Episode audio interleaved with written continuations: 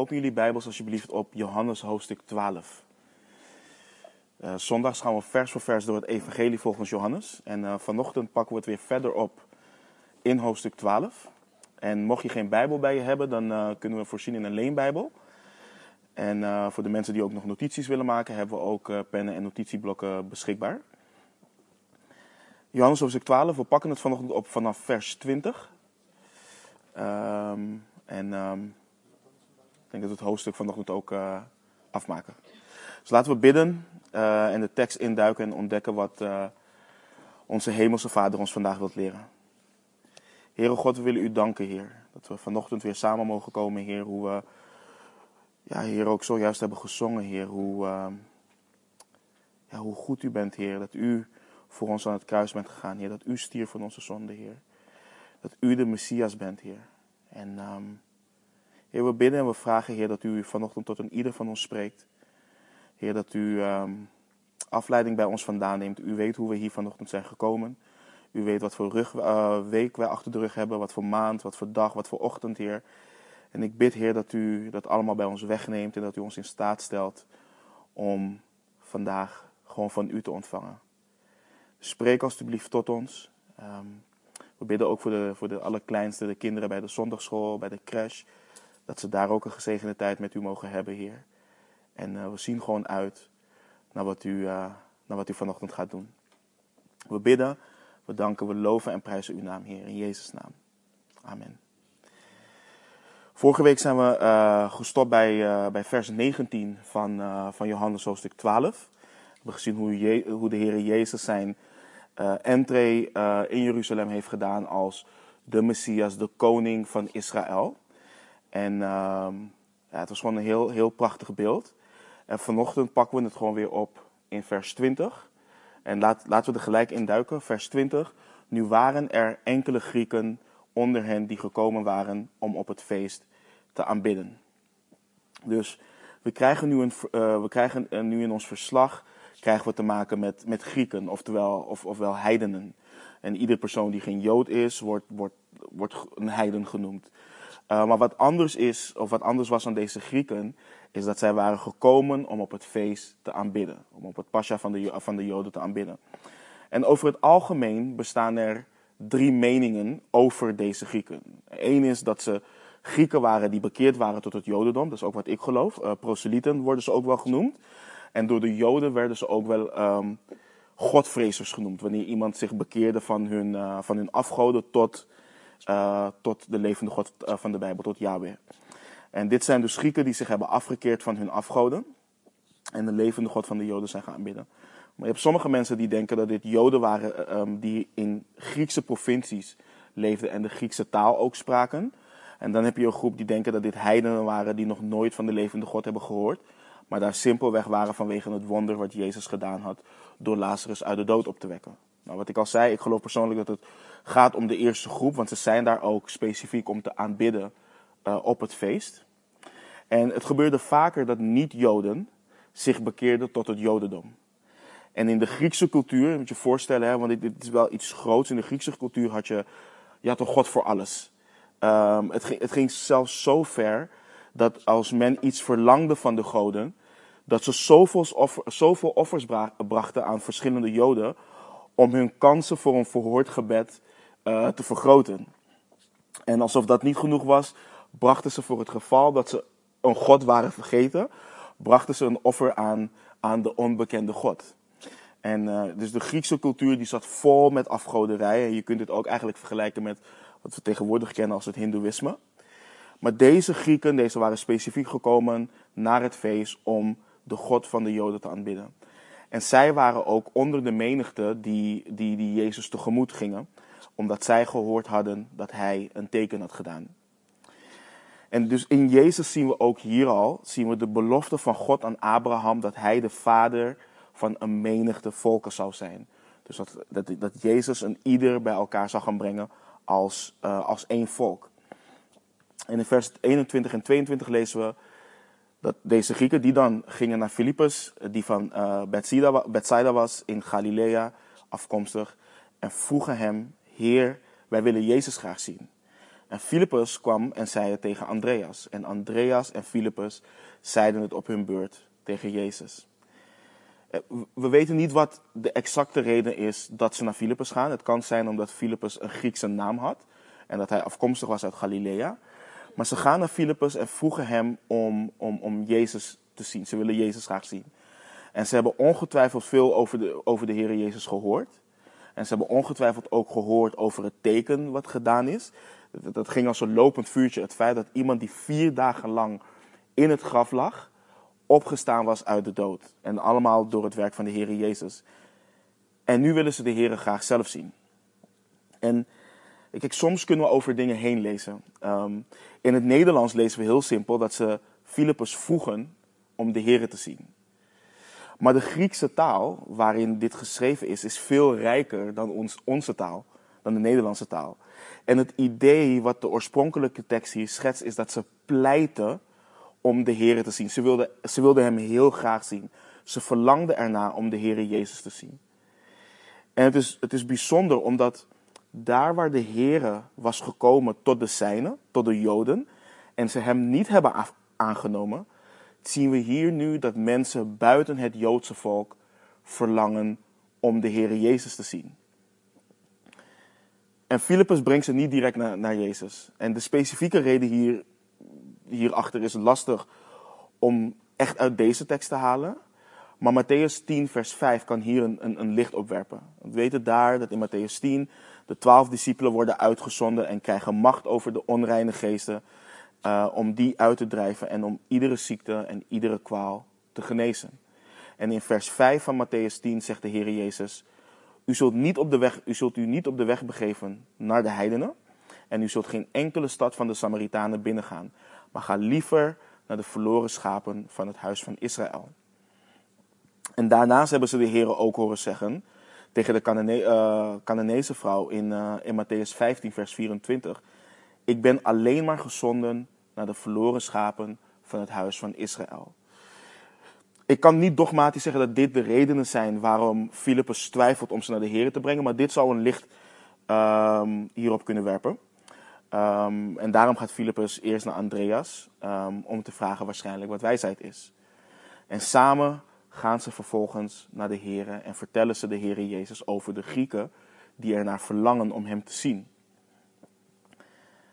En weet je, voor mij, voor ons, het is belangrijk om te kijken naar het hart van Filippus en, uh, en Andreas. De Joden, die keken over het algemeen, keken ze neer op de heidenen. En in, in, in, in, zelfs in Joodse geschriften, in de geschiedenis, noemden ze heidenen zelfs honden. Zo, zo erg was de cultuur van de heidenen, vooral van de Grieken. En in sommige Joodse gebedsboeken vind je zelfs dat de Joden God in hun gebed dankten voor drie dingen dat ze, geen dat ze niet geboren zijn als slaaf, dat ze niet geboren zijn als vrouw en dat ze niet geboren waren als heiden. Dus ze zagen dit, als, als ze dit konden bidden, zagen ze dit als drie zegeningen. En dus zo, dit, dit schetst wel echt een beeld van hoe de Joden keken uh, naar de heidenen. En wat wel mooi is, dat Filippus en Andreas hun uiteindelijk toch naar Jezus brengt. En één ding wel, de heidenen deden er ook niet veel aan om het beeld van hun, eh, wat de Joden hadden, om dat aan te passen. De cultuur die daar heerste was um, seks, uh, liefde, moord, diefstal, kinderen offeren, noem maar op. Het ging echt heel ver. Het is iets waar, eh, behalve het kinderen offeren, wat ik, wat ik niet in onze cultuur zie, maar onze cultuur gaat wel weer die kant op. Dus de, de goddeloze cultuur wat er in, uh, in, uh, bij de Grieken was. Maar we moeten niet vergeten wat wij waren voordat Jezus met kracht in ons leven kwam en ons leven veranderde. Want soms kunnen we bewust of onbewust zo opgaan in het feit dat deze cultuur zo goddeloos aan het worden is, dat we danken dat wij gered zijn en dat we danken dat wij niet zoals de goddelozen zijn die allerlei goddeloze dingen doen. Dus het is goed om dat te beseffen en om het hart van Andreas en Filippus ook hierin, hierin te zien. En Paulus schreef ook heel mooi aan de Corinthiërs in 1 Korinthe 6, vanaf vers, 9, eh, vanaf vers 9. Of weet u niet dat onrechtvaardigen het koninkrijk van God niet zullen beërven? Dwaal niet. ontuchtplegers, afgodendienaars, overspelers, schandknapen, uh, mannen die met mannen slapen, dieven, hebzuchtigen, dronkaards, lasteraars en rovers zullen het koninkrijk van God niet beërven. En nu komt het. Sommigen van u zijn dat wel geweest. Maar u bent schoongewassen, maar u bent geheiligd, maar u bent gerechtvaardigd in de naam van de Heere Jezus en door de geest van onze God. En ieder van ons heeft een verleden voordat we tot Christus kwamen. En ieder van ons was één of meerdere van deze dingen. En het belangrijke is dat we beseffen dat het Gods genade is, um, wat met kracht ons hiervan bevrijd heeft. En dat we nu geen haar beter zijn dan anderen. Dat we begenadigd zijn. En dat we zoals Filippus en Andreas uh, moeten onthouden dat Jezus is gekomen om hen die verloren zijn uh, te zoeken en zalig te maken. Dat is het hart wat we, um, wat we horen te hebben en wat we hieruit ook kunnen halen. En vers 23 reageert de, de Heer hierop. Maar Jezus antwoordde hun: Het uur is gekomen dat de zoon des mensen verheerlijk zal worden. Nou, de oplettenden onder ons weten dat, dat we meerdere malen in dit evangelie hebben gelezen: Mijn uur is nog niet gekomen, of zijn uur is nog niet gekomen. Maar hier lezen we dat de Heer zegt: Het uur is gekomen dat de zoon des mensen verheerlijk zal worden. En we bevinden ons nu op een piek wat betreft de afwijzing van de Joden in het leven en de bediening van Christus. En nu komen er heidenen naar hem toe. Dus het uur is gekomen dat Jezus verheerlijkt zal worden. Dat hij voor de zonde van de wereld genageld zal worden aan het kruis en de dood zal overwinnen. De zonde zal uitschakelen. Daarop volgend het evangelie tot het uiterste van de aarde gepredikt zal worden. Dat is waarom wij hier vanochtend zitten. Um, Joden en heidenen zouden bijeengebracht worden tot dezelfde schaapskooi. Jezus zal voor eens en voor altijd mensen verzoenen met God door geloof in Hem. Dus het zal niet lang meer duren voordat Hij zijn leven zal geven in de handen van de Joodse leiders, die Hem vervolgens weer zouden overleveren aan de Romeinen om gekruisigd te worden. En de Joodse leiders hadden eerder geprobeerd om Hem te grijpen, ze hadden geprobeerd om Hem te stenigen, maar zijn uur was simpelweg gewoon nog niet gekomen. Maar nu de eerste heidenen ook tot hem komen, is het tijd om Gods schapen bijeen te brengen en zal hij zijn leven geven om het vervolgens ook weer op te nemen. En vanaf vers 24 lezen we: Voorwaar, voorwaar, ik zeg u, als de tarwekorrel niet in de aarde valt en sterft, blijft hij alleen. Maar als hij sterft, draagt hij veel vrucht. Want sorry, wie zijn leven lief heeft, zal het verliezen. En wie zijn leven haat in deze wereld, zal het behouden tot het eeuwige leven. Als iemand mij dient, laat hij mij volgen. En waar ik ben, daar zal ook mijn dienaar zijn. En als iemand mij dient, zal de Vader hem eren. We weten, we weten altijd dat wanneer, wanneer God spreekt, wanneer Jezus spreekt, dat we onze oren moeten spitsen. Maar wanneer hij, wanneer hij zijn zin altijd begint met voorwaar, voorwaar, dan, dan, dan moeten we echt goed opletten. En dan zegt u ook, dus ik, ik zeg jullie, als de tarwekorrel niet in de aarde valt en sterft. Dus de Heere Jezus vergelijkt zijn dood nu met het feit um, dat als een tarwekorrel geen leven kan produceren, dat een tarwekorrel geen leven kan produceren als het eerst niet sterft. Dus het kan geen vrucht dragen als het eerst niet sterft. Alleen dan gaat het veel vrucht dragen. En Jezus zegt hiermee, als hij niet sterft, dan zal hij alleen in zijn volle glorie in de hemel zijn. Maar door zijn dood juist zullen zondaar die zich bekeerd hebben en hun leven aan Christus hebben gegeven, in zijn glorie kunnen gaan delen in de hemel. Ik heb me ook, toen ik pas tot geloof kwam, vroeg ik me altijd af van oké, waarom kon hij niet gewoon op aarde blijven en uh, waarom moest hij sterven? Maar het is juist opdat wij leven zouden kunnen hebben. Opdat hij veel vrucht zou dragen. En zoals de tarwekorrel met zijn dood veel vrucht draagt, maakt de Heere Jezus met zijn dood, begraving en opstanding de weg vrij om vergeving van zonde te ontvangen. Om opnieuw geboren te worden en daarmee nieuw leven te ontvangen.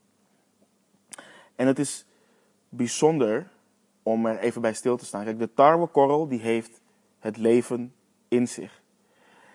En de Heere Jezus zei in Johannes 5:26 dat de Zoon het leven in zichzelf heeft. Dus het is een prachtige analogie van de Heer om aan te tonen dat zijn dood leven voor ieder mens zou betekenen die in hem zou geloven. Zijn dood zal veel vrucht dragen. En Jezus laat zien ehm, dat als dit voor hem geldt, dat dit ook voor zijn volgelingen geldt. Jezus was niet bezig met deze wereld. Hij was ook niet bezig met koninkrijk hier op aarde, maar met het koninkrijk van zijn vader. En dit geldt dus ook voor iedere volgeling van Christus.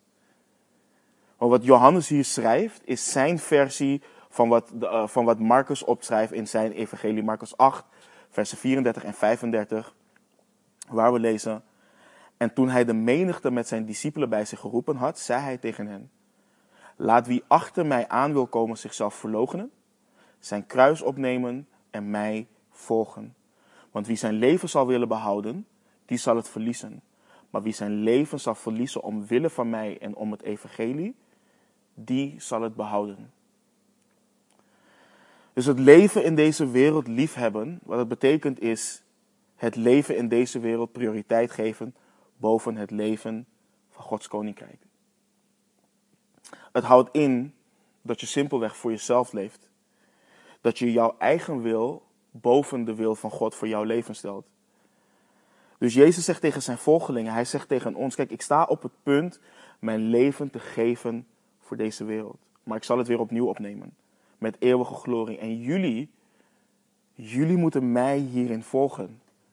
Leef niet voor jezelf. Leef voor de waarheid.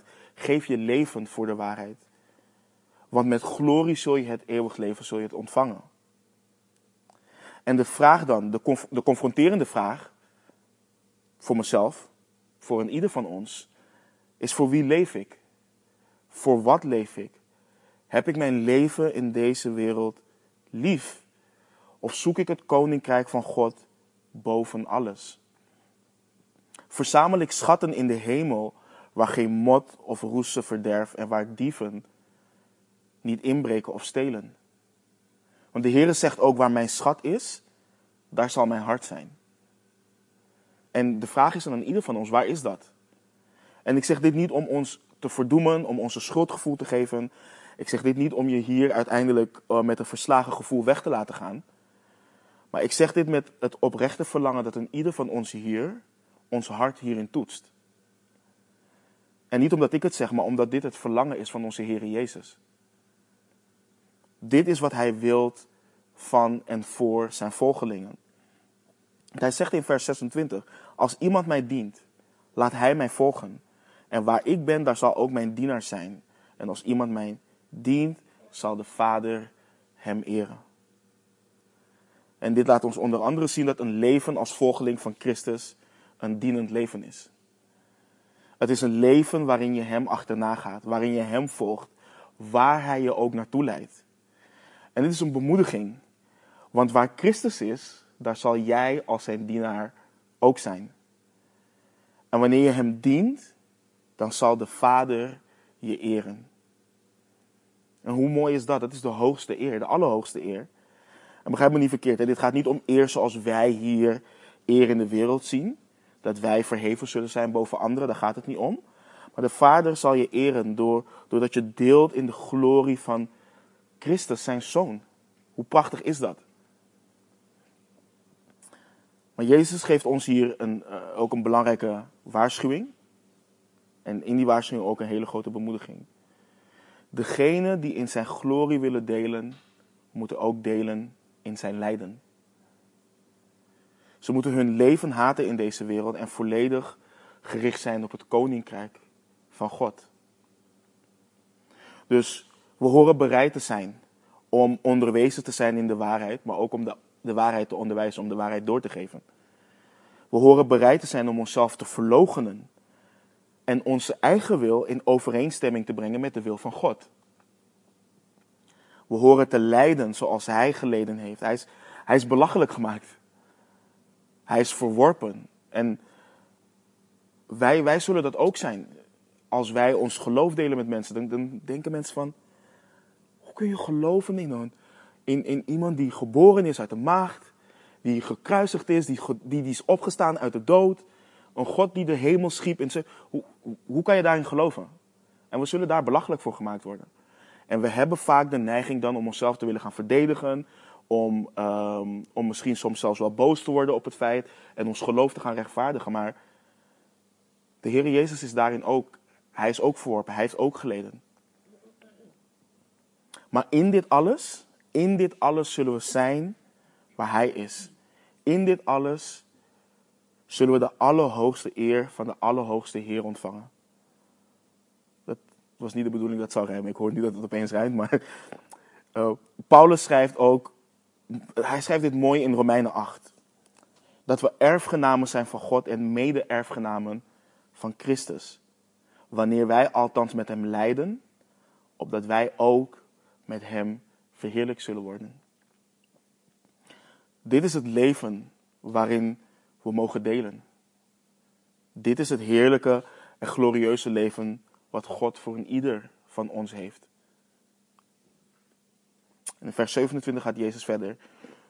Nu is mijn ziel in beroering en wat zal ik zeggen? Vader, verlos mij uit dit uur. Maar hierom ben ik in dit uur gekomen. Vader, verheerlijk uw naam. Er kwam dan een stem uit de hemel. En ik heb hem verheerlijkt en ik zal hem opnieuw verheerlijken.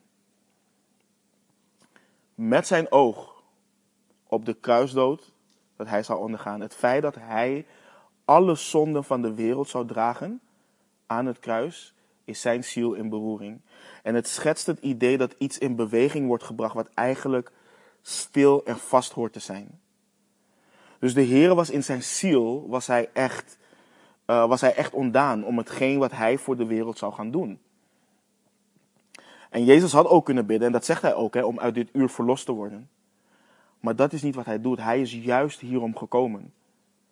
Hiervoor is hij naar aarde gekomen dat wanneer hij aan het kruis zou zeggen: Het is volbracht, dat jij en ik verzoend konden worden met God door het geloof in zijn zoon. En in plaats van bidden om verlost te worden uit dit uur, Bid de Heer dat de naam van, van, van, um, van de Vader verheerlijk mag worden. En is een prachtig voorbeeld voor ons. Want het is bijzonder om te zien, als ik, als ik nu kijk, alsof als we nu kijken naar, naar de Heer Jezus. Het is bijzonder om te zien hoe we soms ons in de wil van God kunnen bevinden en alsnog ondaan kunnen zijn in ons hart. En het is dan ook belangrijk om goed te kijken naar wat hier gebeurt. Kijk, Jezus zijn ziel is in beroering. Hij was in zijn hart ondaan. En vaak doen wij als christenen alsof het een zonde is om, om ondaan te zijn in situaties waarin we zitten. Of in situaties waarin uh, de Heer, wat de Heer heeft toegelaten in ons leven. En dat, is op, dat, dat op zich is geen zonde. Maar de Heer Jezus leert ons hoe we met deze situaties juist kunnen omgaan. Door ons te richten, door onze ogen te richten op God. Door te bidden en, en vragen dat Hij verheerlijk mag worden in ons lijden. En de vader beantwoordt dat hij reageert en ik heb hem verheerlijkt en ik zal hem opnieuw verheerlijken. En let, let op wat de vader zegt, ik zal hem opnieuw verheerlijken. De vader heeft zijn naam door zijn leven en bediening verheerlijkt. Maar hij zal het ook weer doen door zijn dood, zijn begraving, zijn wederopstanding en zijn hemelvaart. En later ook wanneer elke knie zal buigen en elke tong zal beleiden dat de Heere Jezus Heere is. En de menigte dan, vanaf vers 29, die daar stond en dit hoorde, zei dat er een donderslag geweest was. Anderen zeiden, een engel heeft tot hem gesproken. Jezus antwoordde en zei, niet voor mij is deze stem er geweest, maar voor u. We zien hier dat de natuurlijke man de geestelijke dingen, de dingen van God niet kan begrijpen. Het kan niet waargenomen worden door de natuurlijke mens. En wanneer Paulus tot bekering komt op de weg naar Damascus, is het hetzelfde. Ze nemen een stem waar, ze, ze, zien een licht, maar ze weten niet wat het is. De Heer Jezus wordt geopenbaard aan Paulus. En sommigen dachten dat het een donderslag was en sommigen dachten dat het een engel was die tot Christus sprak. Maar de Heer maakt duidelijk dat de stem van de Vader niet voor hem was, maar juist voor hun. Jezus had het niet nodig dat de Vader, uh, had, had, het, had het bewijs niet nodig dat de Vader hem zou verheerlijken. Hij wist dat.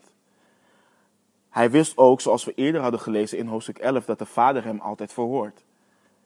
En, wat, en, en, dat, wat hij, en dat wat hij gebeden had ter wille van de menigte, opdat zij zouden geloven. En hier ook weer. En het is belangrijk ook voor ons hè, om te beseffen. Verbaas je dan ook niet wanneer je Christus zo klaar als een klontje uitlegt aan je naaste en zij het absoluut niet begrijpen. Dat is, we zien dit continu in dit evangelie. Maar bid voor ze. Bid dat de geest ze mag overtuigen dat ze een nieuw hart mogen krijgen en dat ze mogen gaan begrijpen en dat ze mogen gaan delen in hetgeen waarin wij delen. En hij gaat verder in vers 31. Nu wordt het oordeel over deze wereld vertrokken. Nu zal de vorst van deze wereld buiten geworpen worden. En ik, als ik van de aarde verhoogd ben, zal allen naar mij toetrekken. En dit zei hij om aan te duiden welke dood hij zal sterven. Met de dood van Christus is niet alleen vergeving van zonde gebracht. Christus werk aan het kruis doet veel meer dan dat, terwijl vergeving van zonde al zo groot en zoveel is. Maar door zijn werk aan het kruis zou de wereld geoordeeld worden en zou de vijand, de Satan, de, de heerser van deze wereld, verslagen worden. Door het werk, en dat is iets wat we mogen beseffen, door het werk van Christus is de Satan verslagen. De Satan dacht gewonnen te hebben doordat Christus gedood werd aan het kruis. Maar door zijn opstanding heeft Christus afgerekend met de macht die de Satan had.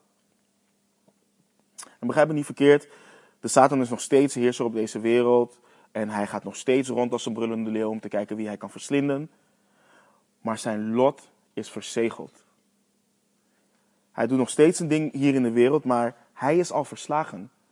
En in Openbaring 20, vers 10 lezen we dat hij voor eeuwig in het poel des vuur geworpen zal worden.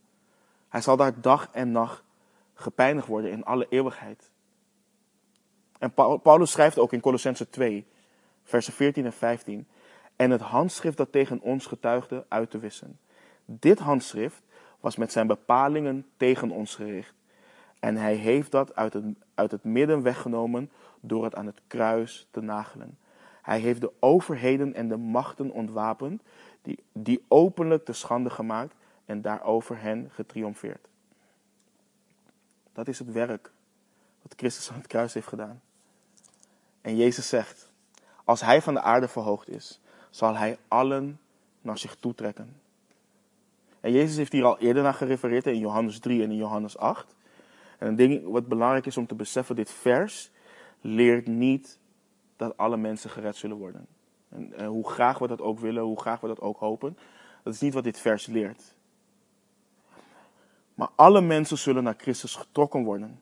Mensen uit alle volken, alle talen, alle naties zullen naar Christus toegetrokken worden. Maar niet iedere persoon zal het evangelie aannemen.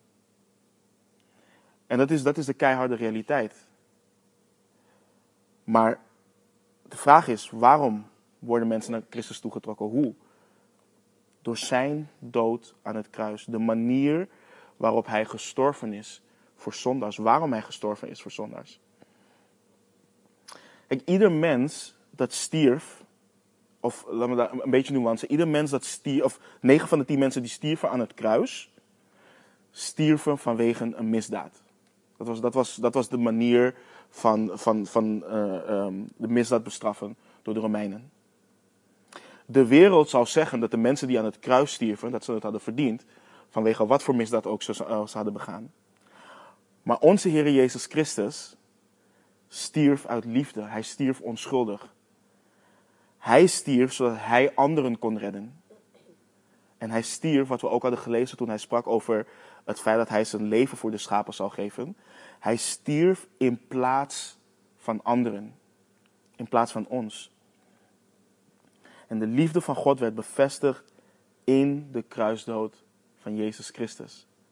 En dat, dat trekt mensen.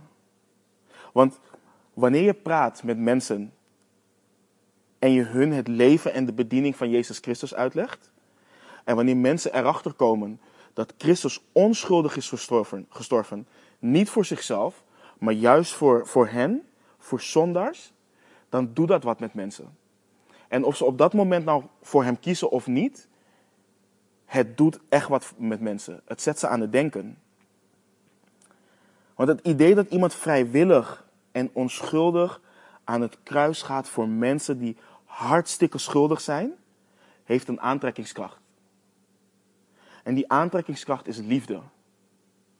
En liefde trekt mensen altijd. En de bovennatuurlijke liefde, de onvoorwaardelijke liefde van Christus voor de wereld, dat trekt mensen. En als je, als je even gaat onderzoeken, geen enkele religie kent dit. Geen enkele godsdienst kent dit. Geen enkel verhaal, niet eens in een fictieve roman of wat dan ook. God die zichzelf heeft vernederd voor mensen. Dat is ongekend. Mensen kennen juist de goden die mensen vernederen. Dat, dat, zijn, dat, dat is hoe mensen goden zien. Maar hier, hier hebben we God die zijn heerlijkheid aflegt en de vorm van een mens aanneemt.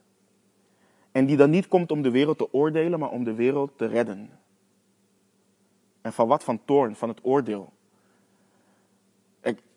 Onderzoek welke religie, welke mythe, wat dan ook, en je ontdekt, je ontdekt dat de goden daarin maar al te graag hun toorn willen laten zien over mensen. Maar de ware en de levende God, de God van de Bijbel, die wil mensen redden van het oordeel, omdat Hij liefde is. Omdat Hij geen plezier vindt in de dood van de goddelozen.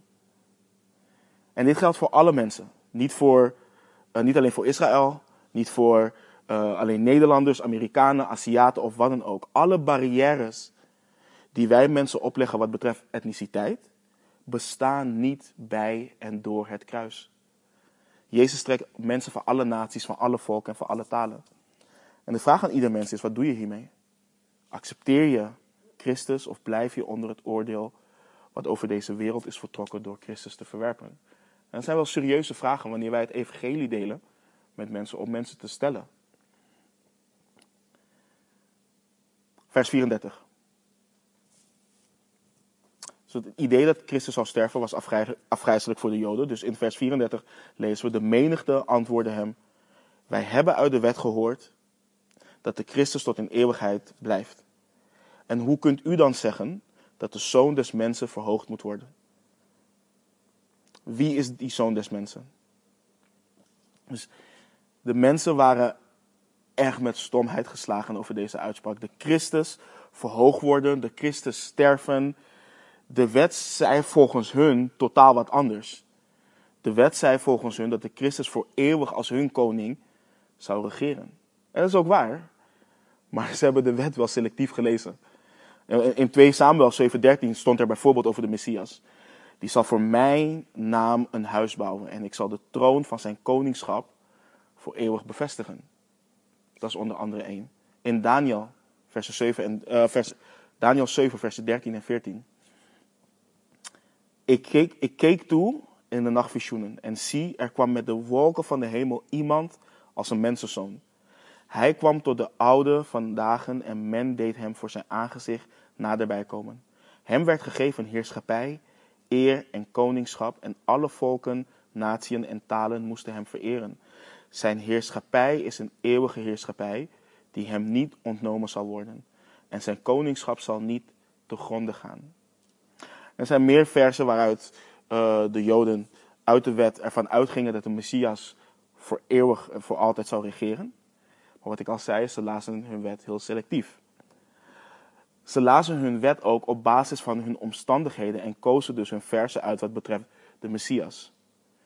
Want hun wet gaf duidelijk, maar ook heel duidelijk een compleet beeld van de Messias.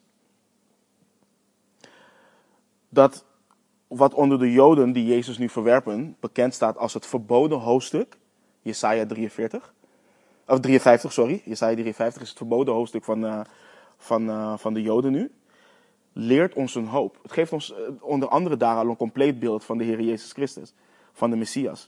Want Jesaja 53 leert ons hoe de Messias een man van smarten was.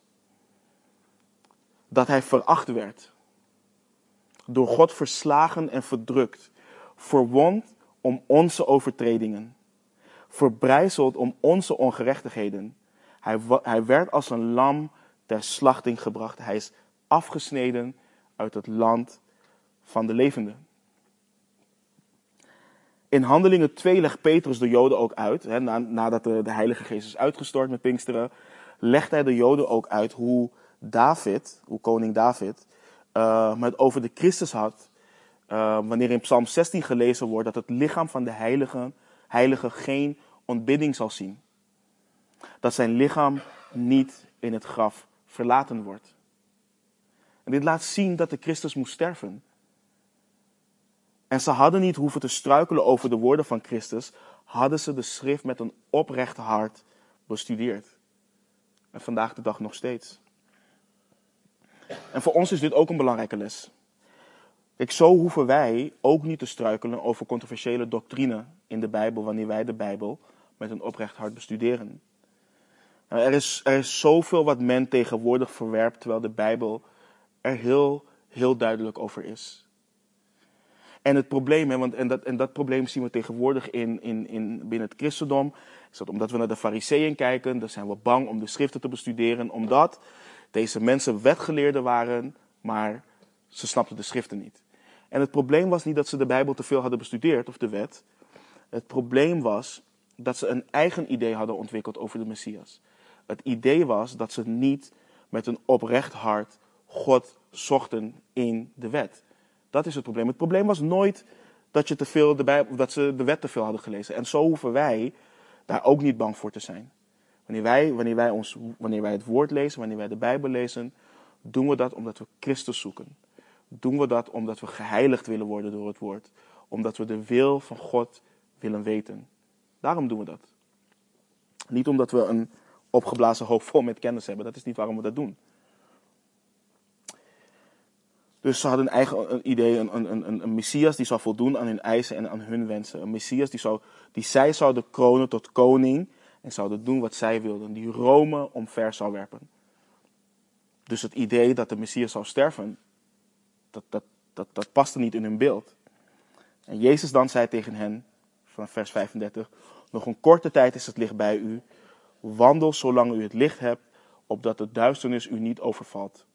En wie in de duisternis wandelt, weet niet waar hij heen gaat. Zolang u het licht hebt, geloof in het licht, opdat u kinderen van het licht mag zijn. Deze dingen sprak Jezus en hij ging weg en verborg zich voor hen. Dus de Joden waren geestelijk verblind. Hij waarschuwde ze dat hij niet, langer, of niet lang bij hen zou zijn en dat de duisternis hun zou overvallen. Dit waren mensen die geloofden dat ze kinderen van God waren. En 1 Johannes 1, vers 5 leert ons dat God licht is. Dus als ze kinderen van God claimen te zijn, moeten ze gaan wandelen in het licht.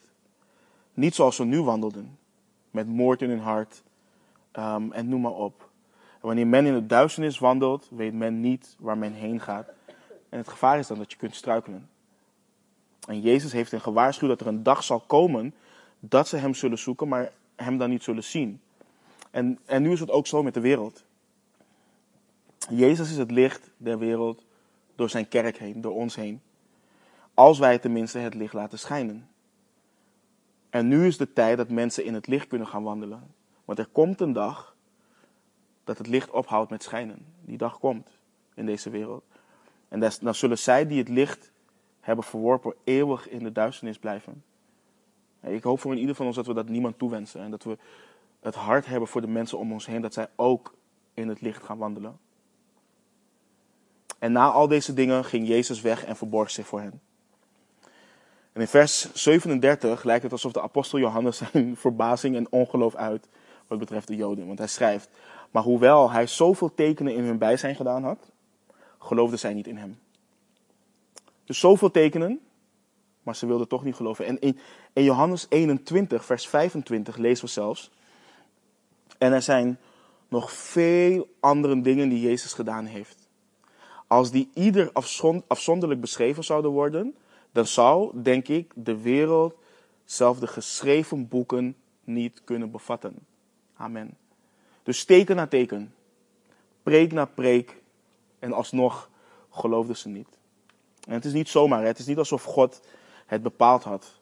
Maar omdat God al um, alwetend is, heeft hij al voorzegd hoe men op de Messias zou reageren. Vanaf vers 38 lezen we. opdat het woord van de profeet Jesaja vervuld werd dat hij gesproken heeft. Here, wie heeft onze prediking geloofd en aan wie is de arm van de Here geopenbaard? Daarom konden zij niet geloven, omdat Jesaja verder gezegd heeft: Hij heeft hun ogen verblind en hun hart verhard, opdat zij niet met de ogen zouden zien en met het hart inzien en zich bekeren en ik hen zou genezen. Dit, dit zei Jesaja toen hij zijn heerlijkheid zag en over hem sprak. Dus in en door het ongeloof van de Joden gingen er profetieën in vervulling. Want in vers 38 citeert Johannes de profeet Jesaja. Jesaja 53:1 ehm, leert wie heeft onze prediking geloofd en aan wie is de arm van de Heer geopenbaard. En de arm van God staat symbool voor Gods kracht, Gods macht. En dat werd uh, gezien in het leven en de bediening van Christus. En dit laat zien dat er niet velen zouden geloven in de Messias. Niet velen in Israël zouden het goede nieuws van God geloven en accepteren. En wat ik al eerder zei, soms reageren we zo verbaasd wanneer mensen onze prediking niet geloven. Uh, maar wat ik al eerder zei, kan zo klaar als een klontje uitleggen, maar toch gebeurt er niets. En ik, ik blijf hierin telkens ondervinden dat een dienaar niet meer is dan zijn Heer. Als men Christus niet heeft geloofd, God in het vlees, moeten wij dan verbaasd reageren wanneer ze ons niet geloven? Maar betekent dit ook dat ons werken te vergeefs is? Absoluut niet. Want Christus heeft ons de opdracht gegeven om discipelen te maken. Sommigen zullen voor hem kiezen en sommigen zullen hem verwerpen. En de Bijbel leert ook waarom ze het niet konden geloven. Want de profeet Jesaja heeft gezegd, en ditmaal citeert Johannes Jesaja 6. Toen zei hij, vanaf vers 9, uh, eh, Jesaja 6, Ga en zeg dit volk, luister voortdurend, maar u zult het niet begrijpen. Zie voortdurend, maar u zult het niet opmerken. Maak het hart van dit volk vet en stop hun oren toe. En sluit hun ogen, anders zullen zij met hun ogen zien en met hun oren horen en met hun hart begrijpen en zich bekeren en zal hij hen genezen. Maar niet alleen de profeet Jesaja schreef hierover. In Ezekiel lezen we hier ook over. Waar we lezen in Ezekiel 12, vers 2. Mensenkind, u woont te midden van een opstandig huis. Ze hebben ogen om te zien, maar zij kijken niet. Ze hebben oren om te horen, maar zij luisteren niet, want zij zijn een opstandig huis. En het is niet alsof God, en het is ook belangrijk om te begrijpen, het is niet alsof God ze ervan heeft weerhouden om niet te geloven. Alsof hij het niet wilde. Want in dit evangelie heeft Johannes de nadruk gelegd op de ernst van de beslissing die de Joden moesten nemen door de aanwezigheid van Jezus. Hun verantwoordelijkheid om hem aan te nemen. En het ding is om te beseffen, kijk, elke keer wanneer een persoon het goede nieuws verwerpt, het goede nieuws van Christus hoort, moet die persoon zijn of haar hart verharden om die boodschap te verwerpen. Ze moeten hun hart verharden om Christus niet te aanvaarden. En wanneer een persoon heeft besloten in hun hart om niet naar God te keren, dan bevestigt God deze keuze ook in hun hart. Je ziet dit ook bij de farao in het boek Exodus. Je ziet daar continu dat de farao zijn hart verhardde. En soms is de vertaling wat ongelukkig en lijkt het alsof God zijn hart verhardt. Maar het is farao die zich niet wil bekeren en God die dat bevestigt. En God forceert zichzelf op niemand. Um, gedwongen liefde is geen liefde. Dus hij forceert zichzelf op niemand. En men ziet God als een tiran, maar God respecteert jouw beslissing. Maar de andere kant is wel de persoon die open staat voor de waarheid in het leven. Van, um, van die persoon zal God um, spreken en zijn of haar hart verzachten om het evangelie aan te nemen. En daar zien we ook voorbeelden van in, het, uh, in de Bijbel. We zien dat bijvoorbeeld bij Lydia in Handelingen 6, uh, 16, sorry. Um, waar haar hart verzacht wordt om het evangelie aan te nemen, omdat haar hart open was om het te accepteren. En Jesaja zei dit, als het lezen dus, en dit zei Jesaja toen hij zijn heerlijkheid zag en over hem sprak. In Jesaja 6 eh, beschrijft de profeet Jesaja hoe hij God op de troon zag zitten. Hij zag de heerlijkheid, de glorie van God. Maar nu, en dit is, dit is belangrijk en ik vind dit prachtig, maar nu linkt de apostel Johannes dit aan het feit dat Jesaja Christus op de troon zag zitten. Dus Christus voor hij geïncarneerd was. En Johannes begreep goed dat Jesaja de glorie van Jezus zag voor zijn incarnatie. En dat Jezus de Here is. En hier hebben we weer een bewijs. Een argument in je gesprek met Jehovah-getuigen om ze te laten zien dat Jezus God is. We kunnen het allemaal op een rijtje zetten en het is, het is, het is echt duidelijk. Het evangelie zit vol met bewijzen dat Jezus God is. En niet alleen dit evangelie, de hele Bijbel zit vol met het feit dat Jezus God is. We lezen vanaf vers 42. En toch geloofden ook vele van de leiders in hem. Maar vanwege de fariseeën beleden zij het niet, opdat zij niet uit de synagogen geworpen zouden worden. Want zij hadden de eer van de mensen meer lief dan de eer van God. Dus we leren dat er naast hen die niet geloofden, er toch veel van de leiders waren die in Christus geloven, uh, geloofden. Maar vanwege de fariseeën beleden zij hun geloof niet. En Nicodemus, ik geloof dat hij dus ook een van die mannen was. Want later zien we hem ook met um, Jozef, van, Jozef van Arimathea het, het, het, um, het lichaam van het kruis halen en hem in het graf leggen. Maar wat we hier zien, ze waren net als de ouders van de blindgeboren man die we in Johannes 9 hebben gezien, waren ze bang om uit de synagoge geworpen te worden. Want zij waren er nog steeds van overtuigd, de tempel, de synagoge, dat is de plek waar je God ontmoet. Alleen daar kun je God aanbidden. Zoals Jezus de Samaritaanse vrouw ook heeft gezegd, er komt een tijd waar mensen God in geest en waarheid moeten aanbidden. Het maakt niet uit of je nou in een tempel, in de synagoge, in de gemeente of wat dan ook. Maar we zien wat de reden daarvan is. Ze hadden de eer van mensen meer lief dan de eer van God. Als er één ding is wat verlammend werkt in het leven van een beleidende christen, is het de eer en vrees voor mensen. Het heeft een verlammend effect in het leven van een christen. Het maakt een christen zwak in zijn of haar getuigenis. Het zorgt er ook voor dat een christen kan gaan wandelen op een, op een manier waarop ze bevestiging gaan krijgen van mensen. En dit is ook het contrast van wat we eerder in het hoofdstuk uh, lazen. In uh, vers 26. Als iemand mij dient, laat hij mij volgen. En waar ik ben, daar zal ook mijn dienaar zijn. En als iemand mij dient, zal de Vader hem eren. En een, belangrijke vraag weer voor ons is, wie, wie dienen wij? Dienen wij Christus? Zo ja, dan volg je hem na en dan zal de Vader hem eren, je eren. Dien je de wereld, dan zul je eer van de wereld krijgen, maar niet van de Vader. En om, om eer van de wereld te krijgen, moet je een vriend van de wereld worden. En de Bijbel is heel duidelijk wat betreft uh, het liefhebben van de wereld en, uh, en, vriendschap met de wereld. In 1 Johannes uh, hoofdstuk 2, vers 15 schrijft de apostel Johannes: Heb de wereld niet lief. En ook niet wat in de wereld is. Als iemand de wereld lief heeft, is de liefde van de Vader niet in hem. Het zijn keiharde woorden, maar het is, het is wel wat hier staat. Het is Gods woord. En waarom? Johannes gaat verder in vers 16 van 1 Johannes 2. Want al wat in de wereld is, de begeerte van het vlees, de begeerte van de ogen en de hoogmoed van het leven, is niet uit de Vader, maar is uit de wereld. En dat is belangrijk om te beseffen, is wanneer we vriendschap met de wereld aangaan, wanneer we de dingen van de wereld lief hebben, dan hebben we de begeerte van het vlees lief, de begeerte van de ogen en de hoogmoed van het leven. Dat zijn de dingen die we lief hebben. En de persoon die van Christus houdt, heeft als het goed is zichzelf verlogen. Die is gestorven met Christen.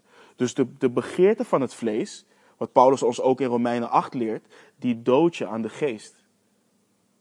De Bijbel zegt ook een ander ding over vriendschap van, uh, met de wereld. Jacobus 4, vers 4. Zegt, schrijft Jacobus in hele sterke taal, als je de Griekse taal leest. Overspelige mannen en vrouwen. Weet u dan niet dat de vriendschap met de wereld vijandschap tegen God is? Wie dan nu een vriend van de wereld wil, wilt zijn, wordt als vijand van God aangemerkt. En dit is ook een groot, dit is een ding wat een groot deel van het lichaam van Christus nu kenmerkt. En ik sta hier niet om kritisch te zijn, om mensen te veroordelen of om mensen te beschuldigen of wat dan ook. En, maar het is, het is wel de realiteit. En het angstaanjagende is dat ik bijvoorbeeld deze dingen alleen eerst via het internet zag. Je zag ze alleen Je zag ze in Amerika gebeuren, je zag ze in Engeland gebeuren, je zag het op tv, hoorde je over christenen die vrienden werden met de wereld. Maar nu zie ik het steeds dichterbij komen.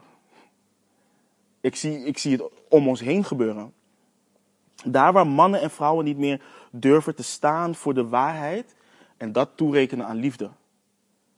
En eh, één ding is belangrijk om te beseffen: liefde is niet iemand laten leven in zijn of haar zonde.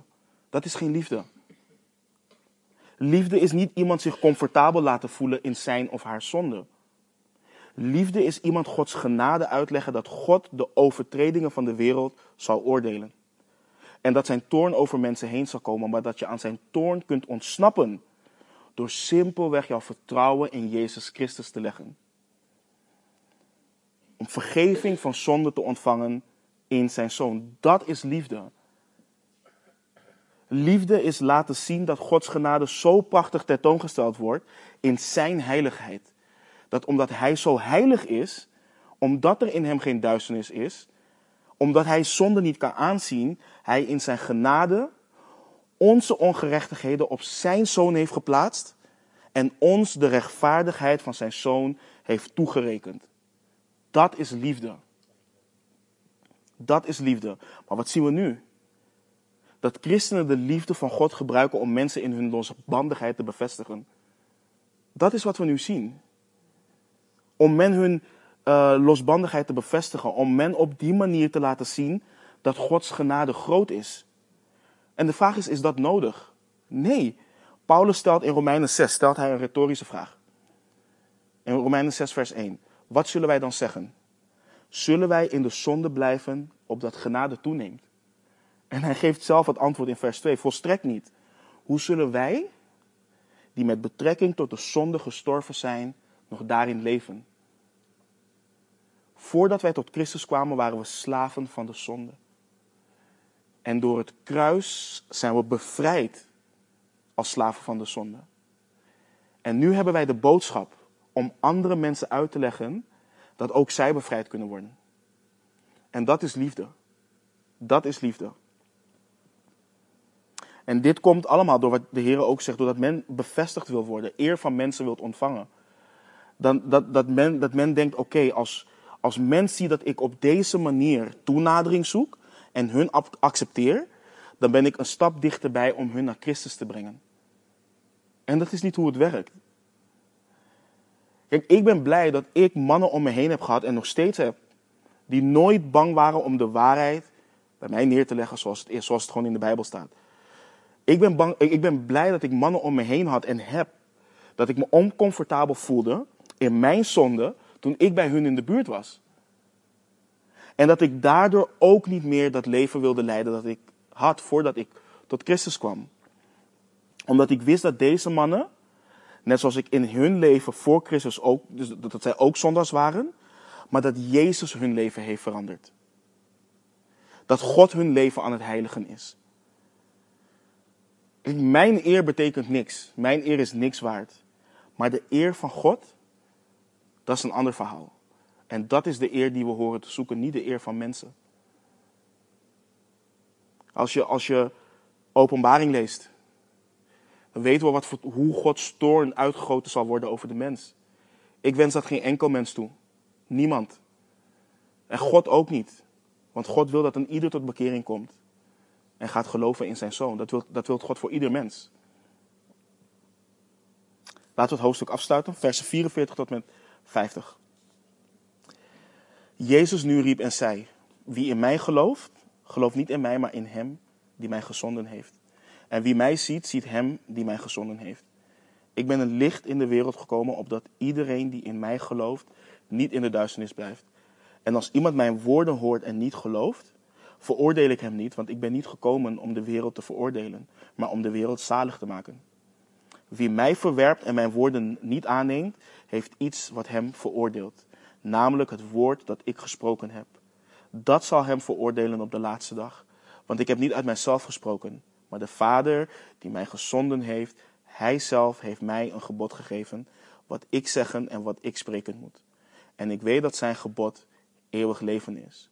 Wat ik dan spreek, spreek ik zoals de Vader mij gezegd heeft. Jezus spreekt hier weer over de perfecte, over de eenheid die tussen hem en de Vader is. Wie in hem gelooft, gelooft niet alleen in hem, maar in hem die Jezus gezonden heeft. Dus geloof je in Jezus, dan geloof je in God de Vader. En het is eigenlijk onmogelijk om te zeggen: Ik geloof in God, maar van Jezus hoef ik niks te weten. Dat, dat, dat, is, dat is niet hoe het werkt. En dat is wat Jezus hier duidelijk maakt aan de Joden. Kijk, zij zagen zichzelf als kinderen van Abraham. Kinderen van de Allerhoogste God. En ze wilden alleen niet in Jezus geloven. En Jezus zegt dat dat niet kan. Hij en de Vader delen dezelfde eer, dezelfde glorie. Je kunt de een niet hoger achter dan de ander. Ze zijn één in wezen. God de Vader, God de Zoon, God de Heilige Geest. En we weten dat Jezus heeft gezegd in, in Johannes 4 dat de Vader geest is. Dus Jezus zegt hier niet dat wanneer je hem fysiek hebt gezien, dat je de Vader ziet, dat je weet hoe de Vader eruit ziet of wat dan ook. Maar dat hij de belichaming is van wie en wat de Vader is. Dat is wat hij uitlegt. Alles wat de Vader vertegenwoordigt is in Jezus. Als, als mensen ook vragen, oké, hoe is God dan? Hoe is de liefde van God? Kijk naar Jezus. En dan zul je de Vader zien. En Christus is een licht in de wereld gekomen, opdat ieder die in hem gelooft niet in de duisternis blijft. En Jezus laat duidelijk weten dat zonder hem ieder mens, ieder mens, geen uitzondering, ieder mens in totale duisternis leeft. En duisternis is, is afwezigheid van licht. Dat is wat duisternis is. Zonder Jezus in het leven van een persoon weet een persoon niet wat het nut van het leven is, waarom een persoon hier op aarde is, wat die persoon moet doen met zijn of haar leven, hoe die persoon moet leven. De grootste levensvragen blijven onbeantwoord in het leven van de persoon als hij of zij Jezus Christus niet leert kennen. En tijdens de Bijbelstudie hadden we het afgelopen woensdag daar ook over. Um, we hebben een aantal artikelen hebben op de website over uh, de zin van het leven, over uh, wat gebeurt er na de dood. En wij kunnen op de website kunnen we zien hè, een beetje van oké, wat voor mensen komen op de website. Daar heb je software voor. En het angstaanjagende is dat gros van de mensen die op zoek is naar de zin van het leven, dat zijn de mensen van 28 tot 35 jaar. De mensen die in de bloei van hun leven zitten, dat zijn mensen die op zoek zijn naar betekenis in het leven. Dus je ziet dat men in totale duisternis leeft. Men weet gewoon niet welke kansen op moeten. Ze weten het echt niet. En ze zullen zonder Jezus struikelend, gaandeweg in het leven, in het leven terwijl hij of zij die vragen zelf te vergeefs proberen eh, te beantwoorden. Maar zonder Christus kun je die vraag niet beantwoorden. Zonder God weet je het gewoon niet. En Jezus heeft het vaker over zijn bediening gehad. Hij heeft vaker uitgelegd wat zijn doel hier op aarde was. Niet om mensen te, uh, te veroordelen, maar om de wereld zalig te maken. Dat was het doel van de eerste komst van Christus. Dat hij met zijn leven, dood, begraving en wederopstanding men kon redden van de komende toorn van God. Maar hij maakt duidelijk dat de persoon die hem verwerpt en zijn woorden niet aanneemt, iets heeft wat die persoon veroordeelt. En dat zijn de woorden die Christus heeft gesproken. Die zullen hem of haar veroordelen op de laatste dag. De woorden van Christus roepen tot bekering, roepen mensen tot bekering. De woorden van Christus getuigen van de goedheid van God. En ze getuigen ook van de gevallen staat van de mens. En zijn woorden getuigen van het feit dat God een manier heeft geboden om bewust te kunnen kiezen voor hem of tegen hem. En wanneer iemand dat blijft verwerpen tot zijn of haar dood, zullen niet zijn daden hem of haar veroordelen, maar de woorden van genade die Christus heeft gesproken en zij hebben afgewezen, dat zal hun veroordelen op de laatste dag. Het feit dat zijn hand naar hun uitgereikt was en ze het gewoon hebben afgeslagen. En um, wat hij uitlegt, de dingen die hij gesproken heeft, die zijn niet verzonnen. Het zijn geen fabeltjes. Hij sprak ook niet in zekere zin uit zijn eigen autoriteit, niet als mens. Maar hij sprak uit Gods autoriteit. En zijn woorden, waren, um, zijn woorden van genade waren Gods woorden van genade. Het waren niet zomaar woorden van een goed mens. Wat mensen tegenwoordig zeggen over Jezus. Oh, hij heeft hele wijze dingen gezegd. Nee, dit waren woorden die kwamen regelrecht van Gods troon. En wat betekenen deze woorden? En in vers 50 zegt Jezus ook, deze woorden betekenen eeuwig leven. Gods gebod is dat wij geloven en dat het geloof leidt tot eeuwig leven. En dat waren de woorden die hij sprak. Precies, precies zoals de Vader heeft gezegd. En het is passend dat de Heer zijn publieke bediening beëindigt, want vanaf, vanaf hoofdstuk 13 zien we hem alleen bezig met zijn discipelen. Maar met het spreken van woorden van eeuwig leven in het leven van een, van een opstandig volk. Het laat echt het verlangen van God zien dat hij echt wilt. Dat iedere mens, dat iedere ziel gered wordt. En het laat ook zien hoe geduldig hij met mensen is. En dat zijn missie is om God te verheerlijken. En ik sluit, ik sluit af met voor een ieder van ons. Weer om ons hart te toetsen. Wat zijn de woorden die wij spreken? Spreken wij woorden van eeuwig leven in de levens van de mensen om ons heen? Doen we dat e-, tot eer en glorie van Christus? Wat is onze missie? En we hebben een prachtige belofte van Christus. Dat wij die hem dienen, hem moeten volgen en dat wij als zijn dienaar zullen zijn waar hij is. En dat we in het dienen de eer van de Vader zullen ontvangen. En ik wil jullie bemoedigen, kijk, ik heb als in het begin van mijn wandel met de Heer, heb ik ook met vrees voor mensen geleefd. Ik weet hoe dat is. Om, om de eer van mensen te zoeken. Maar God heeft mij de kracht gegeven om een getuige te zijn. En die kracht is er voor een ieder van ons. En, en hij wil ons ieder bevrijden van als wij eer hebben voor mensen of vrees hebben voor mensen. En als het iets is waarmee je worstelt, wil ik je bemoedigen om na de dienst met een broeder of een zuster in gebed te gaan. Schaam je er niet voor. Geen enkele broeder of zuster zal je hierom veroordelen. Geen enkele broeder of zuster hoort je hierom te veroordelen. Het is juist iets waarvan God ons wil bevrijden. Laten we bidden. Heer God, ik wil u danken, Heer, voor deze woorden, Heer. Wil u danken, Heer, voor het feit dat u zo, zo goed bent, Heer. Heer, dat u naar aarde bent gekomen, Heer, niet om ons te veroordelen, Heer. Maar dat u naar aarde bent gekomen, Heer, om de wereld zalig te maken, Heer. Dat wat u zo'n 2000 jaar geleden aan het kruis hebt gedaan, Heer, dat het tot hier in deze zaal vanochtend reikt, Heer. En we zijn u zo dankbaar. We zijn u dankbaar voor de beloften, Heer, dat wij mogen delen in de eer, dat wij de eer van de Vader zullen ontvangen, Heer, dat wij mogen delen in uw lijden, Heer. Ook dat is een voorrecht. En help ons ook om dat zo te zien. Ik bid voor een ieder hier vanochtend, Heer, dat deze woorden, Heer, de woorden van, van eeuwig leven die U spreekt, Heer, dat die ons zullen veranderen, Heer. Dat we hier weg zullen gaan, Heer, met meer ontzag voor U, meer liefde voor U, maar ook met het hart wat U heeft voor de wereld, Heer. En dat, dat wij die liefde zullen delen met de mensen, Heer, in waarheid, in genade. Maar dat we voor de waarheid zullen staan en mensen naar U toe zullen brengen, Heer. En dank u wel voor het werk, voor wat het werk ook heeft gedaan, Heer. Dat, de, dat, de, dat het lot van de Satan verzegeld is, Heer. En Heer, dat um, ook al gaat hij rond als een brullende leeuw, Heer, dat wij in U als overwinnaars mogen staan, Heer. En in, als overwinnaars mogen leven. Dank u wel daarvoor. Heer, we loven en we prijzen uw naam. We houden van u, Heer. En we weten dat u eerst van ons hield. En we bidden al deze dingen in Jezus' naam. Amen.